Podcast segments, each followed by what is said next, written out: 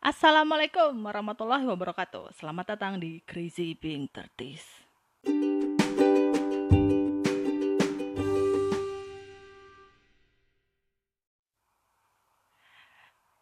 Masih sama Odi di sini. Nah, di episode uh, pertama ini pastinya gue nggak bakal berani sendiri. Makanya gue uh, ajak teman gue yang mau jadi kelinci percobaan pertama gue di sini. Selamat datang Ayum. Halo di. Nggak usah manis, nggak usah Oh, iya. manis. Iya, Iya. Ayum itu uh, by the way uh, nama panggilan manis gue ke dia. Nama aslinya Arum. Yang sibuk apa?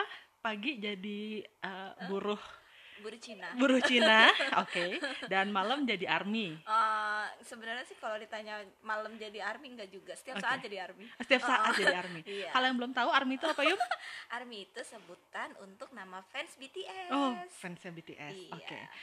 Eh, jadi kenapa eh, gue mau ngobrol tentang per K-pop fansan ini sama lo? Hmm. Jadi eh, di podcast ini gue sebenarnya pengen eh, ngomongin kondisi-kondisi yang dialami eh, kita sebagai orang-orang yang di 30 tahunan. Oke. Eh, lo tahu sendiri ya kalau kita nih eh, 30-an yang masih single yang masih nungguin jodoh.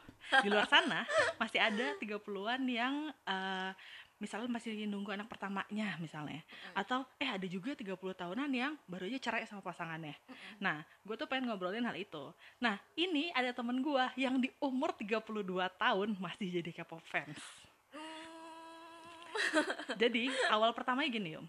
Eh, akhir tahun lalu itu eh, kantor gue bikin ada festival musik gitu. Yang salah satunya ngundang eh, girl band dari Korea. Siapa? Waktu itu G-Friend. Oh. oke. Datanglah ke Indonesia. Mm-mm. Dan gue nonton sebenarnya eh, kerjaan lah ya. Gue nonton dalam keadaan kerjaan. Ya lo kan yang meracuni K-pop dulu ke gue Kok gue? di awal tahun di 2009 sampai sekitaran kayak mungkin 2013 2014 kali ya. Mungkin karena lo jauh dari gue jadi supplier perkepopan gue hilang, Iya. jadinya udah berkurang lah ya. Nah, terus gue nonton tuh di festival musik itu si G-Friend. Gue nengok kanan nengok kiri, bocil rum yang nonton. Menurut gue tuh yang nonton paling tua hmm, kuliahan atau first jobber lah gitu. Gue merasa, anjir ini gue kayak apakah gue masih cocok di situ? gitu. Dan ini temen gue ada yang 32 tahun masih jadi K-pop fans. Apa bedanya ketika lo jadi K-pop fans dulu di umur 20-an sama sekarang di umur 30-an Bedanya yang signifikan. Dulu gue nggak punya duit, sekarang gue punya duit. terus? Oh serius itu? Maksud gue dulu itu waktu zaman zaman kuliah atau baru awal-awal kerja yang gaji gue cuma UMR Itu tuh yang ngeliat orang beli ini beli itu nonton konser ke sini nonton konser. Ya gue cuma bisa ngeliatin aja. Gue gak punya duit. Kalau sekarang itu kerasa banget sih. Maksudnya ya gue bisa nonton konser di tidak hanya di Indonesia gitu kan. Yaitu faktor duit juga. Oke. Spending yang gue rasa gue pasti banget ini nggak sedikit. Ya. dijabarin satu-satu. Oh. Yang pertama. Kok rahasia gue dibongkar ya? Yang paling kecil dulu misalnya harddisk beli yang berapa tera ada Oh, sekarang udah kalau- nggak lagi ya? Enggak, kalau harddisk enggak gue masih. Ma- Tapi maksud gue gue memang udah lama nggak beli harddisk baru sih. Karena gue sekarang eh, sekarang apalagi zaman Streaming ya? ya. Ha, ha, ha. Jadi gue udah nggak kalau dulu kan harddisk gue tuh isinya koleksi drama ya. oke Drama. Nah, kalau dulu sekarang temukan CD inget nggak lo Oh yang iya ada bener banget plastiknya bener banget, ha, bener banget, yang bergiga zaman eh, iya, satu satu CD Satu 700 CD, mega kalau iya salah, cuma ha. muat beberapa episode Ha, itu dan kan kita ya lu, ha. lo sebenarnya lo yang punya bertoples-toples Oh, CD iya. itu kayak Gimana tukang ya CD sekarang ya Ah, ada di gua by the way dua tumpuk eh dua toples gue gue kayaknya ada di rumah cuma mm, kayaknya udah entah entah bisa diputar entah enggak itu ya oke berarti Oke. si harddisk sudah nggak lagi oh Ah, lu enggak lu beli TV cang masih- lu beli. TV canggih Enggak, ntar, Oke. harddisk tuh masih. Ah, oke. Maksud gua karena gua masih nyimpen banyak eh, koleksi BTS itu ya tetep tetep eh, kayak misalnya walaupun streaming gitu ya, tapi gua tetap download. Jadi mis kalau misal gua mau nonton ulang tanpa streaming gua bisa gitu. Terus dan konser konser ya semua video ya, semua video legal nggak legal ya pokoknya semua video itu kalau ada downloadannya ya gue download dan itu masuk masuk harddisk dan sekarang itu koleksi BTS gue tuh lebih dari satu tera. Lebih dari satu tera. Iya. dan itu BTS tok. Iya BTS toh Oke. oh, mohon maaf saya bukan K-popers kakak saya army. oh khusus army ya? Iya. khusus army oke. Tadi si uh, harddisk ada satu tera isinya si BTS semua. iya. Nah, tetap beli CD CD-nya bu? Eh, tetep. Tetap beli satunya berapa sih? Hmm, kalau album itu rata-rata 200-an satunya. oke. Gimana belinya? Eh, eh, kalau ditanya belinya di mana banyak. Maksudnya banyak cara. Gue pernah nyobain beli langsung dari Korea. Gue pernah nyobain nitip kan kan banyak ya online shop online shop ya yang ngurusin persidian persidian itu. Itu gue pernah beli langsung. Gue pernah beli langsung juga dari Jepang ya itu sih oke 200an punya berapa eh, lengkap lengkap itu means berapa sekarang udah berapa album by the way Eh, berapa dia album? sampai lupa Iya, enggak Oke. kalau enggak soalnya kan ada mini album, ada album. Oke. Ntar dulu. Hmm, school itu tiga. Oh yang nyonton dua. Lebih dari sepuluh lah. lebih dari 10 album dan lo punya semuanya Punya. kalau nggak salah tuh per album ada berbagai versi gue tahu banget Astagfirullahaladzim, ya iya. kan dan lo selalu ngumpulin semuanya Iya. semua versi Iya. oke satu album ada berapa versi Bu Arum Tergantung beda-beda. Ada yang dua, ada yang empat. dan lo selalu ngumpulin semuanya dan lengkap sampai sekarang oke tadi udah hard disk udah ke CD konser tadi Bu juga nyebutin juga Iya. konsernya udah ke mana aja Bu Eh, baru tiga bu. Heeh, ke mana aja Singapura, Hong Kong, sama Seoul. oke itu karena mereka nggak datang ke Jakarta atau Yes. Eh, sebenarnya iya karena mereka nggak datang ke Jakarta, tapi gue juga pengen, memang pengen nonton konser mereka berkali-kali gitu loh. Oke. Maksudnya gue pengen nonton. bukannya sama aja apa oh, bedanya Beda. Maksudnya Oke. eh, apa ya? la- live mereka itu beyond amazing. oke.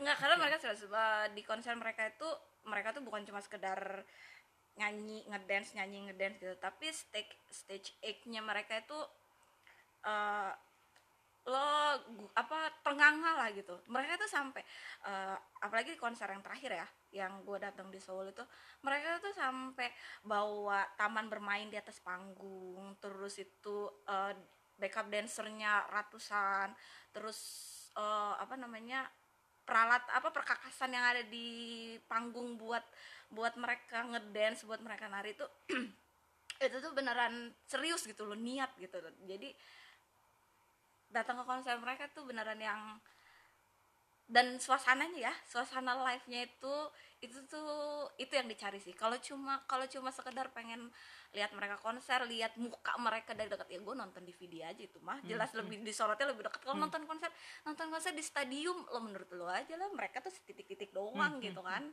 Ngarepin apa kalau mau ngeliat dari dekat. Tapi yang dicari itu suasananya dan di jadi mereka si apa sih perusahaannya eh, apa namanya manajemennya BTS ini kan namanya Big Hit. Big Hit ini tuh concern mereka tuh di konten dan fans. Oke. Jadi eh, mereka memanage artisnya mereka tuh memanusiakan artisnya. Tahu sendiri lah kalau berurusan dengan K-pop itu identik dengan didikte. Artis K-pop tuh harus gini gitu segala macam bla. nah kalau Big Hit ini mereka menerapkan artisnya itu silahkan berjalan dengan kreativitasnya mereka masing-masing. Makanya musiknya BTS itu mostly itu produce mereka sendiri. Um, apa member-membernya sendiri yang uh, bikin lagunya nulis liriknya cerita dari mereka. Di dalam lagunya itu banyak message-nya dan itu applicable buat banyak orang dengan berbagai masa berbagai macam masalah kehidupan masing-masing gitu kan. Nah terus selain itu uh, apa namanya si Big Hit ini concern juga ke konten dan fans. Jadi jadi mereka tuh fans sudah ngeluarin duit banyak segala macam biar mereka tuh merasa setimpal gitu lah Oke, apa yang sama mereka apa yang keluarin, ya oke. gitu kan. Jadi ketika ini pengalaman gue yang terakhir yang di Seoul ya. Di ketika di luar di luar konser itu itu tuh venue di eh, apa di luar venue itu banyak eh, apa namanya stay up apa apa sih tenda-tenda apa sih namanya oh, tuh oke Eh, sarnafil apa? sarnafil itu yang putih-putih itu iya, kan ya ha? nah itu tuh banyak banyak macamnya gitu loh ada area foto ada bahkan Oh, ada oke. ada ini kursi pijat kalau misalnya kita Oke. capek ngantri kursi pijat terus ada apa jadi di situ tuh kita tuh nggak bosen terus banyak banyak banyak ininya lah banyak gimmick-gimmick di luar konsernya lah ya. Mm, mm, jadi dan itu beda-beda tiap negara sampai lo harus datang ke tiga negara? Eh, kal kemarin itu kebetulan yang kayak gitu cuma di Korea. Oke. kalau di di negara lain tuh kemarin tuh cuma ada kayak studio foto. Jadi kayak eh, studio foto itu eh, kebetulan gue nggak nyobain ya. Jadi gue cuma lihat pengalaman orang-orang aja di studio foto karena di situ eh, di studio foto itu lo masuk kayak studio foto biasa gitu tapi lo bisa milih membernya jadi hologram gitu loh jadi lo kayak berasa foto, foto bareng sama mereka. iya terus Oke. nanti eh, apa namanya dapat figura apa dapat fotonya gitu kan udah gitu doang Tapi isi konsernya sama aja sebenarnya. sebenarnya sama tapi kemarin itu gue yang sama itu Singapura sama Hong Kong Oke. itu itu sama-sama love yourself kalau Oke. yang di Seoul? Seoul itu kan udah bukan seri baru sih maksudnya itu eh, apa namanya final concert untuk love eh, love yourself series jadi eh, apa namanya judulnya itu yang di Seoul itu speak yourself itu mostly memang lagunya sama sama yang kayak eh, apa namanya love yourself tapi ma- eh, apa namanya banyak eh, apa ada lagu baru lagu baru dari album terbarunya mereka yang di situ gitu. Oke, lanjut. Konser udah. Terus merchandise, Yum. Pada suatu hari waktu gue liburan ke Korea, lo pernah nitip ke gue boneka yang menurut gue kecil, harganya 400 ribu, Yum. itu kecil satu biji dan lo waktu itu mau nitip dua. Dan waktu itu gue pernah kalau nggak salah gue lihat lupa di Instagram atau di Twitter lo ada temen lo mau nitip koper. Iya. Nah, merchandise apa yang lo punya? Hmm, merchandise. Yang paling mahal deh, Oh, yang ya paling mahal. Yang paling mahal apa ya? Yang paling mahal merchandise gue Ah, gantungan kunci, boneka, bantal, pena, gelas. Kalau kecil-kecil. ya, Ha-ha. kalau merchandise paling mahal sih kalau gue bilang jaket. Oke, yaitu Ya itu apa? harganya. Oh, harus sebutin harganya. Iya dong. Waduh, nanti lo pingsan lagi. Berapa? Eh, oh enggak deh, eh jaket apa koper ya? Jaket apa koper ya? Lo punya Bentar. kopernya Tapi juga. gue punya koper kecil. Oke. Iya, yang kabin. Oke. Iya, karena dia lucu banget itu warna kuning. Oke, jaketnya berapa? Ntar dulu gue lupa. Mahalan jaket apa koper ya? Ya udah jaket berapa, koper berapa? Eh, gue beli jaket master waktu itu se- lebih dari sejuta. Cuma gue lupa detailnya. Si jaketnya lebih dari sejuta, Iya. si kopernya Si koper juga lebih dari sejuta. Cuma yang jelas nggak lewat dari satu setengah. Cuma gue lupa satu satu apa satu dua gitu gue lupa. Oke, saking banyaknya ya bu ya. Iya. Belanja. Nggak, bukan, bukan saking banyaknya sih. Lebih baik nggak usah diingat daripada gue pening. Oke, ya kan? udah pasrah ya. Iya, makanya Yang penting oh, kebeli itu dia daripada makanya kan. nyesel gak Iya, kebeli kalau, kan. Kalau kata teman gue itu lebih baik menyesal membeli daripada menyesal Iya. tidak Itu membeli. kayak kata gua ya. Oke, sebenarnya kenapa sih lo mau melakukan semua ini buat BTS? Apa oke-nya BTS dibandingkan boy band atau artis Mana pun. Korea lainnya? Gue spesifikin khusus Korea. Apa bedanya? Eh, panjang kalau gue jelasin mau berapa jam Wah. podcast ini? Tolong versi singkatnya aja. Atau nggak ini? Ah, uh, lo uh, pasti nggak sendiri si 30 uh, si fans 30-an ini lo nggak sendiri. Lo pernah bilang ke gue kalau banyak kok yang kayak gini juga gitu. Yang yang army yang sukanya BTS kenapa sis sis 30-an ini Sis-sis kira-kira 30. suka sama BTS eh, gue juga kan tadi pertama lo sempat bilang kita dulu zaman kuliah itu eh, lo bilang gue meracuni lo K-pop gitu kan ya. Zaman zaman itu kan memang K-pop lagi naik daun gitu kan ya. Eh, kalau gue kan sebenarnya memang dari senang nonton drama Korea gitu kan. Jadi makanya sebenarnya udah nggak asing sama perkoreaan gitu kan. Cuma kalau per K-popan itu emang yang 2009 2010 tuh kayak lagi booming boomingnya gitu kan. Ya di titik di tapi maksudnya ada titik yang ya lah ini boyband girlband lagu kayaknya gitu-gitu aja gitu kan ya. Dan gue juga ngerasa yang mm, udah udah udah udah udah bosen gitu dengernya ya itu di tahun 2012-an lah 2012-an 2013-an gue juga akhirnya udah nggak ngikutin lagi K-pop gitu kan. Tapi gue masih nonton drama variety show Korea gitu gue masih nonton gitu kan. Jadi gue masih mendengar lah berita-berita dunia perkoreaan itulah apa pun itu gitu kan. Karena di variety show kan bintang tamunya tuh tidak terbatas. Maksudnya ada artis ada penyanyi ada aktor Aktris, ada olahragawan politik bla bla bla gitu kan. Jadi gue tetap update gitu kan cerita cerita mereka. BTS ini kan debut tahun 2013 ini tahun ketujuh mereka. Jadi ketika mereka debut itu gue memang udah nggak ngikutin per dunia per K-popan. Jadi gue nggak tahu sama sekali Oke. gitu kan. Tapi di du tapi maksudnya variety show itu eh, nggak banyak memang. Tapi ada momen-momen tertentu tuh eh, nyebutin nama mereka atau atau backsoundnya lagu mereka tapi gitu belum kan. se hype belum itu. se-hype sekarang oke. gitu kan. Eh, di ya apa gue tetap tahu lah pokoknya tetap tahu ada boy band namanya BTS gitu tapi gue nggak tahu lagunya yang mana gue nggak tahu orang yang mana segala macam terus makin lama itu gue makin tahu tapi gue waktu itu skeptis.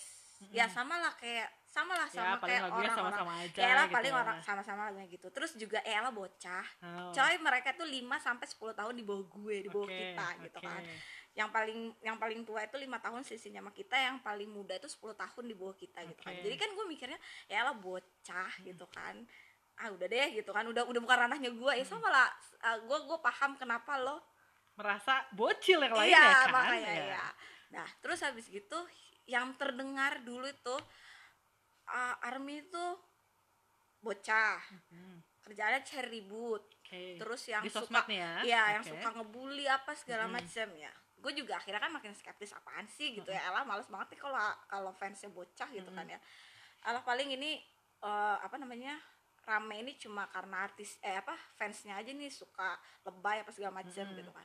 Sampai momen di mana 2017 itu tuh mereka booming di Amerika oke mereka datang ke Billboard Music Oh, Award, ya, ya, ha-ha. dapat award eh, apa namanya sosial artis itu, Mm. top sosial artis ngalah apa mutus eh, Justin Bieber yang enam tahun tujuh tahun gitu dapat dapat award, Award itu, itu, bertahun-tahun terus tiba-tiba BTS gitu di tahun 2017 terus eh, mereka 2017 itu tampil di American Music Award Yes. kan di Billboard cuma terima award Yep. di American Music Award itu nerima mer- awardnya American Music Award tampil oh tampil oke tampil, di ha-ha. Billboard yang Ha-ha. nah itu di tahun 2017 tuh yang eh, kalau udah sampai level kayak gini nih oke ini beda ini kayaknya. ya ini pasti ada sesuatu nih. Nggak nggak apa namanya nggak mungkin cuma sekedar fansnya yang gede fansnya yang banyak tak terus bisa ngebawa mereka nih sampai ke panggung. Ya biar gimana kalau untuk musik itu Amerika masih kayak panggung terwah gitu kan ya. masih kayak market terbesar gitu. Ya itu akhirnya dari situ kepo. Oke. Iya, gue kepo yang salah, terjebak di lubang yang salah tidak bisa keluar lagi. Oh, oke Pertama itu cuma, hmm, kenapa sih? Terus gue tuh cuma pertama itu cuma dengerin lagu. Ternyata pas gue dengerin lagu, lagunya cocok sama gue. Ini gue baru dengerin lagu doang ya, Oke. gue nggak tahu mereka tuh nyanyi Artinya apa. apa, ya pokoknya tahu. cuma Oke. cuma beneran by listening gitu kan ya. Eh, jadi awal-awal debut mereka itu lebih ke hip hop gue memang suka lagu kayak gitu kan Hmm. nah jadi jadi ngedengerin musik-musik awal mereka itu gue yang wah lagunya ternyata enak. Nggak kayak lagu K-pop. Gue nggak bisa bilang K-pop itu yang kayak gimana genrenya gitu ya Pokoknya tapi tiba-tiba ini muncul tapi yang ini beda, beda, ya iya di kala K-pop itu eh, orang identiknya dengan K-pop itu yang cowok cantik cowok manis Ya. gitu kan. Mereka tiba-tiba gahar dengan hip hopnya nge-rapnya Hmm. sana sini gitu kan. Kalau boleh gue bilang gue bukannya gue bukannya meremehkan rapper yang lain gitu Hmm. ya tapi bisa dibilang rapper kalau di K-pop itu kayak cuma sekedar syarat aja gitu lah. Yang Ya, penting di album ini, kecil iya, di yang penting di, di ah, band ini ada rappernya Iya. gitu. Nah, gitu. Nah, kalau BTS tuh beda. Rappernya tuh justru utamanya Iya, core musik mereka. Jadi kan mereka bertujuh nih, rappernya tiga. Tiga Oke. orang ini justru core musik mereka. Mereka yang nge-produce musik BTS uh, mostly tuh mereka. Leadernya juga dari situ gitu. Jadi emang emang rappernya ini core-nya mereka banget gitu. Makanya 2013 2014 itu musik mereka tuh lebih ke hip hop. Tapi warga sana itu hmm, kayak agak skeptis gitu loh Hmm.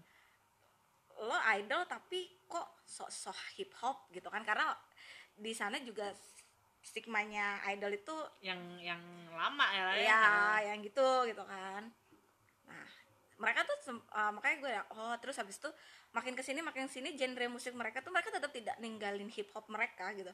Tapi mereka tuh bikin genre musik ya pokoknya mereka uh, bikin musik yang ses- sesuai yang mereka mau. Satu album itu genrenya bisa banyak banget. Oke. Hampir jarang menemukan satu album yang lagunya mirip. Kan kadang kan kadang kan Iya. artis-artis tuh satu album yang kok penting kayak- jedarnya satu ya. Iya, sisanya kok kayak carat kok kayaknya kok kayaknya tadi gue pernah dengar lagu yang ini oh beda eh, oh mirip kan kadang gitu ya satu album. Tapi kalau mereka tuh hampir banget jarang gue nemuin lagu yang mirip. Bahkan album yang terakhir ya itu tuh beneran beneran lagunya tuh beda semua genrenya gitu. Nah itu baru dari genre. Oh ternyata musik mereka beda ya sudah. Terus habis itu mulailah gue kepo eh, apa sih bacain momen eh, apa orang-orang lah komen gitu kan ya. Maksudnya mm, kenapa mereka suka BTS gitu-gitu. Eh, apa namanya ya gue juga penasaran lah gitu kan kenapa BTS tuh eh, sampai besar gitu. Nah fansnya tuh banyak yang bikin cerita ah, bikin di eh, di YouTube gitu. Kayak bikin potongan-potongan kayak yang from hero to zero eh, from zero to hero gitu kayak kan. MLM ya? Pokoknya yang kayak bikin-bikin gitu. Jadi mereka itu bikin bikin cerita bikin perjalanan gitu video perjalanan. Bisa kayak waktu itu tahun 2017 BTS ulang ta- eh, ulang tahun ke sekian tahun gitu. Mereka ada eh, apa fans-fans tuh bikin video perjalanan mereka dari nol sampai sekarang.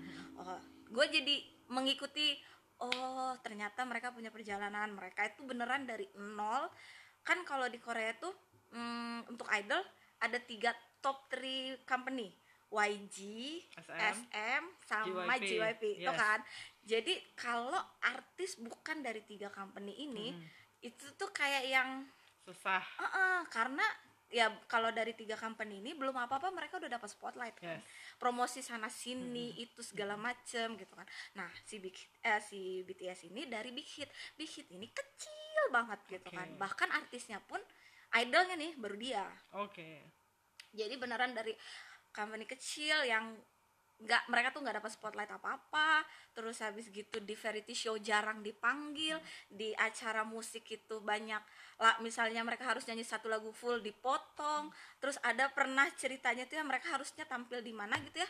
Tiba-tiba di cancel dong padahal mereka udah ada di situ oke terus akhirnya tuh mereka tetap tampil setelah selesai acara tuh tetap tampil cuma Tapi biar iya cuma biar uh, army yang datang itu tuh Oh, nggak kecewa Oke. gitu kan dia mereka tuh tetap tampil walaupun nggak ada nggak ada spotlight nggak ada lampu Hmm. nggak ada penerangan apa apa ya mereka tetap tampil pokoknya kayak gitu gitu jadi tuh yang bacain Bener-bener zero banget banget, dari banget. awal, ngikutin perjalanannya tuh yang bikin yang gimana gitu kan ya kasihan iya gitu ya. kayak kan Oke. kan terus jadi yang dari yang sekecil itu bisa sampai segede sekarang tuh kan oh ternyata mereka punya perjalanan. Nah tapi kenapa sih Uni-uni. banyak yang iya makanya kan. Uni-uni 30-an ini Makanya kok- kenapa? Tertarik. Oke lah oke oke oke lah kalau mereka punya cerita from zero to hero gitu. Tapi from zero to hero itu pasti ada pendukungnya gitu kan. Apa sih apa sih?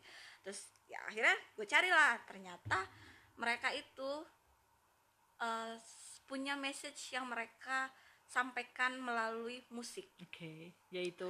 Semua lagu mereka berbicara. Mhm. kalau ditanya berbicara apa? Banyak. Jadi itu tuh lagu itu bisa applicable buat banyak orang dengan banyak masalah kehidupan masing-masing. Contoh? Jadi waktu zaman mereka baru debut nih mereka ngomongin sosialnya zamannya eh, oh mereka tuh juga ngomongin sesuai perkembangan perkembangan usia mereka yaitu yang mereka omongin jadi waktu awal debut yang mereka bahas itu dulu sebutannya school trilogy jadi tiga album pertama mereka tuh bahas yang kayak struggle-nya anak sekolah oke yang nyokap nyuruh apa bokap nyuruh apa tapi dia pengennya apa Oke. terus yang men- yang selalu didikte sama orang tua pokok Oke. ya ya kayak kita lah maksudnya Iya. harus sekolah harus ranking nomor satu bla bla bla lah ya Nah, tapi waktu itu buat anak tapi sekolah anak ya. sekolah Ah. relate gitu kan terus uh, ada juga ada juga cinta-cintaan. Maksudnya bukan cinta yang putus nyambung apa atau di- ditinggal apa enggak. Cuma maksudnya ya namanya anak sekolah pasti ada lah gejolak-gejolak kayak gitu.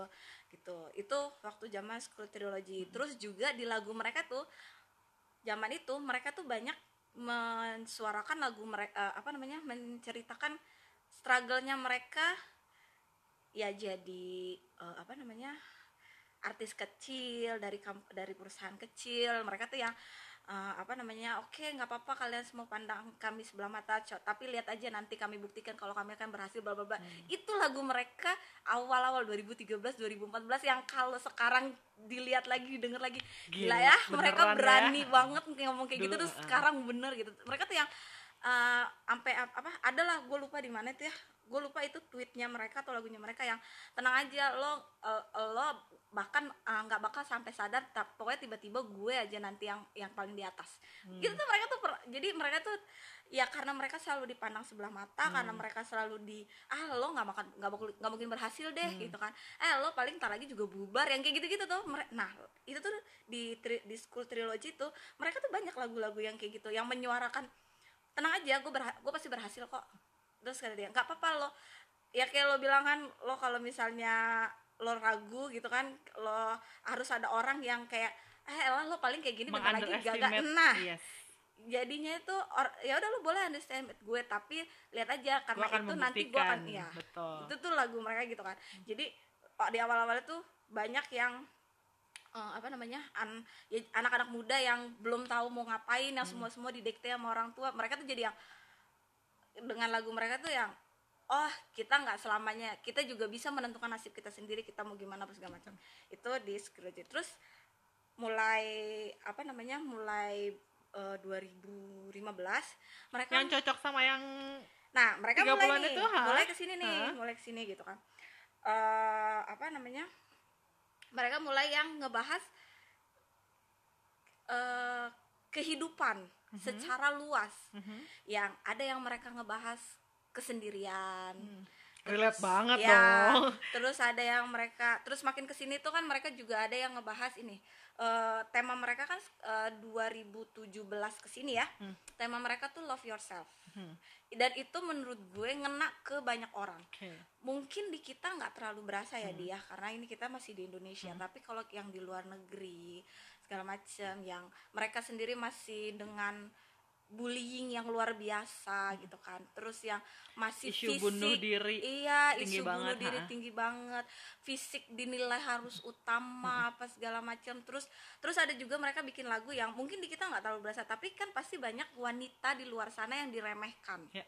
ya kan karena lo wanita lo tidak diberi kesempatan apa Ya. segala macam nah mereka juga ada lagu-lagu yang seperti itu jadi lagu-lagu mereka itu memang tiap album itu ada temanya gitu kan. Tapi lagu, per lagu-lagu itu ya lo ibarat kata masalah hidup lo apa lagu mana sih yang bisa relate sama lo? Nah itu di situ. Jadi mungkin gua cocoknya lagu A Yes. lo cocoknya lagu B orang lain cocoknya lagu C gitu. Gue nggak mau mulai sih um. Takutnya nggak terjebak nah kayak lo. gue Oke. udah bilang gue waktu itu pernah bilang sama salah satu sahabat kita Oh, kan iya. dia kepo kepo kepo gue bilang lo jangan pernah baca liriknya. Kalau lo baca liriknya mati kau tidak lagi keluar dari lubang ini. Bye. Dan dia Benar. benar ya. Ah, pokoknya I've been warning gue udah bilang kalau lo kepo sama BTS please do not start read their lyric because there's no way out. Kalau kalau kayak istilah kita kan salah satu membernya ada yang namanya Jimin Yes. once you Jimin you cannot Jim out Wow. gitu Oke. dan oh ya gue punya satu lagu yang itu sebenarnya dari School Trilogy ya Oke. tapi tapi gue gue suka banget lagu itu Mhm. judulnya Tomorrow Oke. itu tuh kenapa ngena di gue karena di lagu itu tuh ya sebenarnya mereka struggle waktu mereka zaman sebelum debut Oke. kayak mereka tuh kayak yang tiap hari tuh training latihan nyanyi latihan ngedance ngedance latihan ngedance berjam-jam gitu kan kita nggak tahu kapan debut kita nggak tahu bisa debut apa enggak kayaknya hari-hari tuh gini-gini aja gitu. Memang itu lagu ceritanya waktu itu tentang mereka seperti itu tapi menurut gue itu ngena di gue karena ya kita tuh gua sih lebih tepatnya ngerasa yang ada momen di mana kok kayaknya hidup gue tuh gini-gini aja gitu. Besok sama mereka tuh ada lirik yang kontrol C kontrol V kontrol C kontrol V gitu. Mereka tuh Oh, ada oke, liriknya kayak gitu. Oke. yang ya besok bakal gini aja terus gue gua harus ngapain gitu kan Eh, dan dan menurut gue itu lumayan relatable kalau untuk mostly teman-teman gue Itu kayak lagu gue sih. Apa karena ya ada podcast ini karena itu. Oh, Kontrol C, kontrol V, kontrol V, Iya. bosen, Uh-uh. langsung akhirnya podcast ini. jadi bikin podcast Iya. ini kalau teman gue tuh kebanyakan uh, jadi ada judulnya lagunya Wellin 52 itu mereka tuh itu lagu ceritanya tentang si paus yang beda frekuensi uh, dengan frekuensi lainnya lo pernah tahu nggak cerita Ikan itu? paus. iya Oke. Ja- Iya. oh, itu tuh ya oh ya satu lagi Iya. Uh, bukan cuma sekedar liriknya yang punya message tapi bahasanya istilahnya itu jadi ya gue di sini karena mereka ya gue belajar banyak maksudnya ini mereka ngebahas apa sih Oke. gitu kan. Mereka tuh selalu pakai ya kayak tadi gue bilang kan mereka punya lagu Elin 52 itu sebenarnya ten- lagunya tentang kesendirian gitu ya. Mhm. tapi mereka pakai si paus ini mereka si paus ini yang berbicara di eh well well, well itu paus kan Iya. ya ya benar kan? Gue nggak salah ingat. Eh, apa namanya? Mereka tuh berbicara di frekuensi yang berbeda Iya. dengan paus-paus yang lain Hmm. jadi ketika dia berbicara orang paus lain gak ada yang dengar karena Hmm. frekuensinya berbeda kan Hmm. nah mereka tuh mengibaratkan seperti itu dengan dengan Hmm. ngebahas kesendirian gue waktu itu ini apa sih apa sih yang mereka bahas ini sisi apa sih jadi gue belajar oh ada paus yang kayak gini gitu kan ya itu gue jadi maksud gue gue bukan cuma sekedar nge-hype wah ganteng wah cakep gitu enggak tapi dari Jauh mereka juga ya. ya gue banyak belajar dan gue tuh orangnya pemalas untuk membaca ya tapi karena mereka gue akhirnya jadi rajin membaca. Serius Cuma karena pengen tahu tadi Iya, ya. mereka ini ngebahas apa sih? Lagu ini ngomongin apa sih? Lagu ini ngomongin apa sih? Gitu kan. Oh ada ya ini. Oh ada ya itu. Gara-gara itu. Nah itu tuh teman-teman gue yang tadi gue bilang yang kata lo apa sih yang relatable di 30 something gitu kan yang mereka ya entah mereka masih sendiri atau mereka belum nikah atau udah nikah pun apa gitu mostly kebanyakan si Wellin 52 ini sih ya kalau lo mau tiba-tiba bantuin Enggak, baca udah. ya. Terima kasih.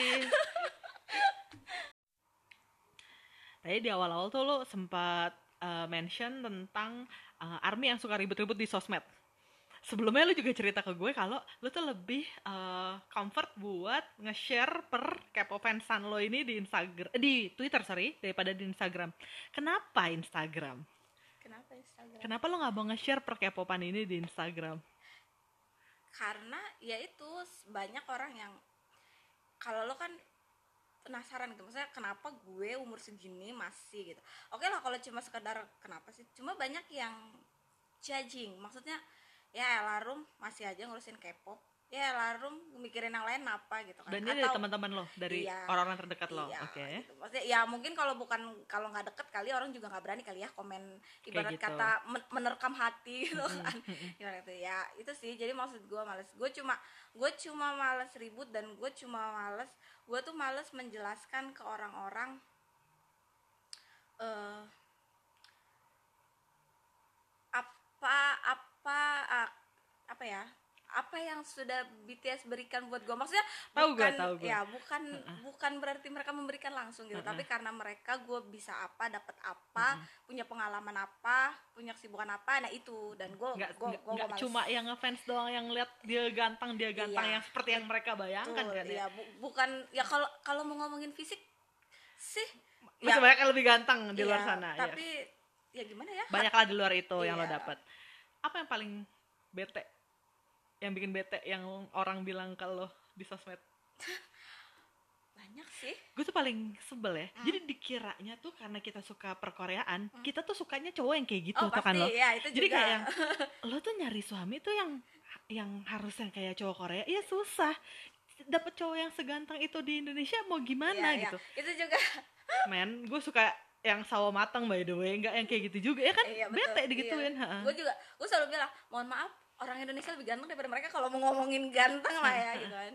Ya ya itu juga itu juga sih. Terus kalau gue lebih ke yang hmm, ya sebenarnya malas ngebahasnya sih gue cuma pasti ada juga yang bawa-bawa bawa-bawa agama lah intinya gitu. Oke Iya. mulai uh, hanya mengingatkan iya gitu ya. heeh, Oh, oke. iya banyak bawa ayat-ayat juga katanya oh tadi ya? pasti ada juga Oh, gitu. gitu, ya. lo nanggepinnya gimana yum ah gue gue cuma bisa bilang oh ya baiklah terima kasih sudah mengingatkan Udah. tapi lanjut lagi Iya. di platform lain Iya dong, ya. heeh. jadi uh, kalau di Twitter emang nggak ada yang ngejudge Eh, atau banyak temennya kali ya mungkin banyak teman ya, arminya juga banyak, iya. yang kabur Jadi, kabur iya, basian dari iya, Instagram betul. yang akhirnya di Twitter aja oh gitu lo pernah ada Twitter masalah perkoreaan ini? Oh, gue menghindari kalau gue oke. Gue hanya membaca.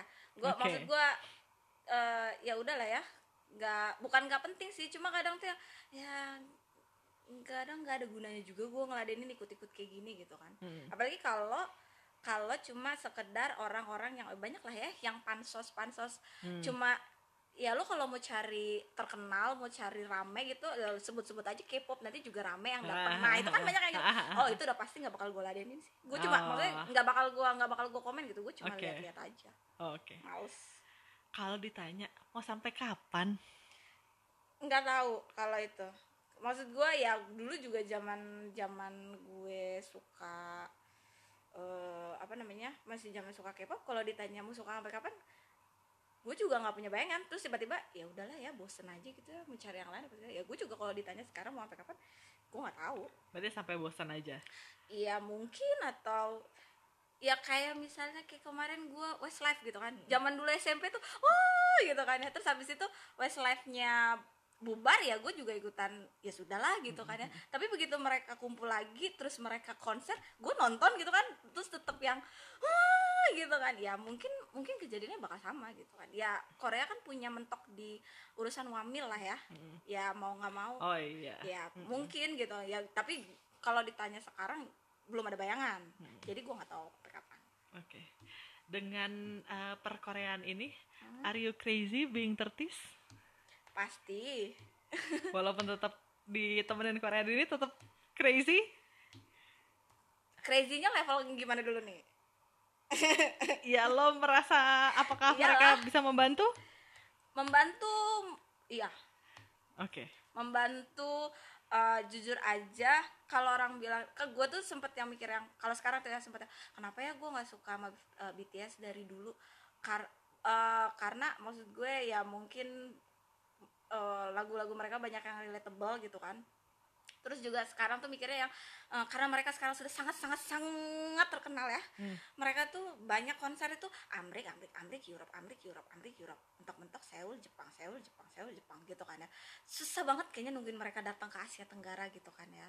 Jadi tuh yang ya kenapa gue nggak nggak ngefans dari zaman dulu waktu mereka masih mainannya masih Asia jadi gue bisa nonton konser mereka tuh nggak rep nggak nggak susah gitu sekarang nyari tiket mereka tuh susah banget gitu nyari tiket konser kalau dari zaman dulu kan tadi lo bilang belum ada duitnya iya. Makanya kan maksud gua, maksudnya kan kalau lagi kalau lagi Senayan kayak sekarang gitu ya nggak dapat tiket konser nih kan ya gitu kan. Kenapa sih gua nggak jadi dulu aja gitu kan ya ngefans waktu fansnya belum banyak, jadi tiket konser nggak susah macam. Cuma ada yang pernah bilang eh, mereka tuh datang ke lo itu di saat yang tepat. wow Wow. wow Dan dan gue ngerasa sih dikala gue lagi punya masalah kehidupan yang gue nggak pernah membayangkan itu bakal terjadi di gue gitu kan. Dikala gue yang eh, bukan mikir mau mati sih, cuma mikir yang wow bukan bukan makanya gue bukan bu- bukan berpikir Iya. mau mati cuma berpikir yang ah kayaknya menghilang dari dari ke apa lingkungan ini kayaknya betul enak ya. gitu gitu kan ya nggak ada yang kenal gue Hmm. lingkungan baru eh, kehidupan baru nggak nggak nggak nggak ter nggak terhantui oleh masalah yang ada gitu kan ya. Dan di kala itu di tahun itu yaitu gue mulai suka BTS Eh, banyak lagu-lagu dia lagu-lagu mereka yang relatable sama kehidupan gue sa- eh, keadaan saat itu gitu kan. Terus dari mereka gue punya kesibukan lain Hmm. yang ya mau nggak mau sedikit banyak mengalihkan perhatian gue gitu kan terus gue punya semangat lagi. Hmm. ya mengejar konser mereka itu jadi kayak punya semangat loh. Ada yang ditunggu hah gue mau pergi nih ke sini nonton konser mereka. Jadi gue punya semangat gitu kan. Terus gue ketemu orang-orang baru gitu kan. Ya jadi gue kayak punya lingkungan baru gitu. Jadi kalau ditanya BTS membantu apa enggak membantu. Membantu gue dikala gue beneran dikala beneran gue down waktu itu. Iya parah gitu kan. Ya dengan mereka gue punya lingkungan baru eh, kegiatan baru pengalaman baru Oke. Terima kasih Sis Arum udah mau share-share, udah mulai berkaca-kaca loh matanya. Ini uh, beneran BTS segitunya uh, mempengaruhi hidupnya.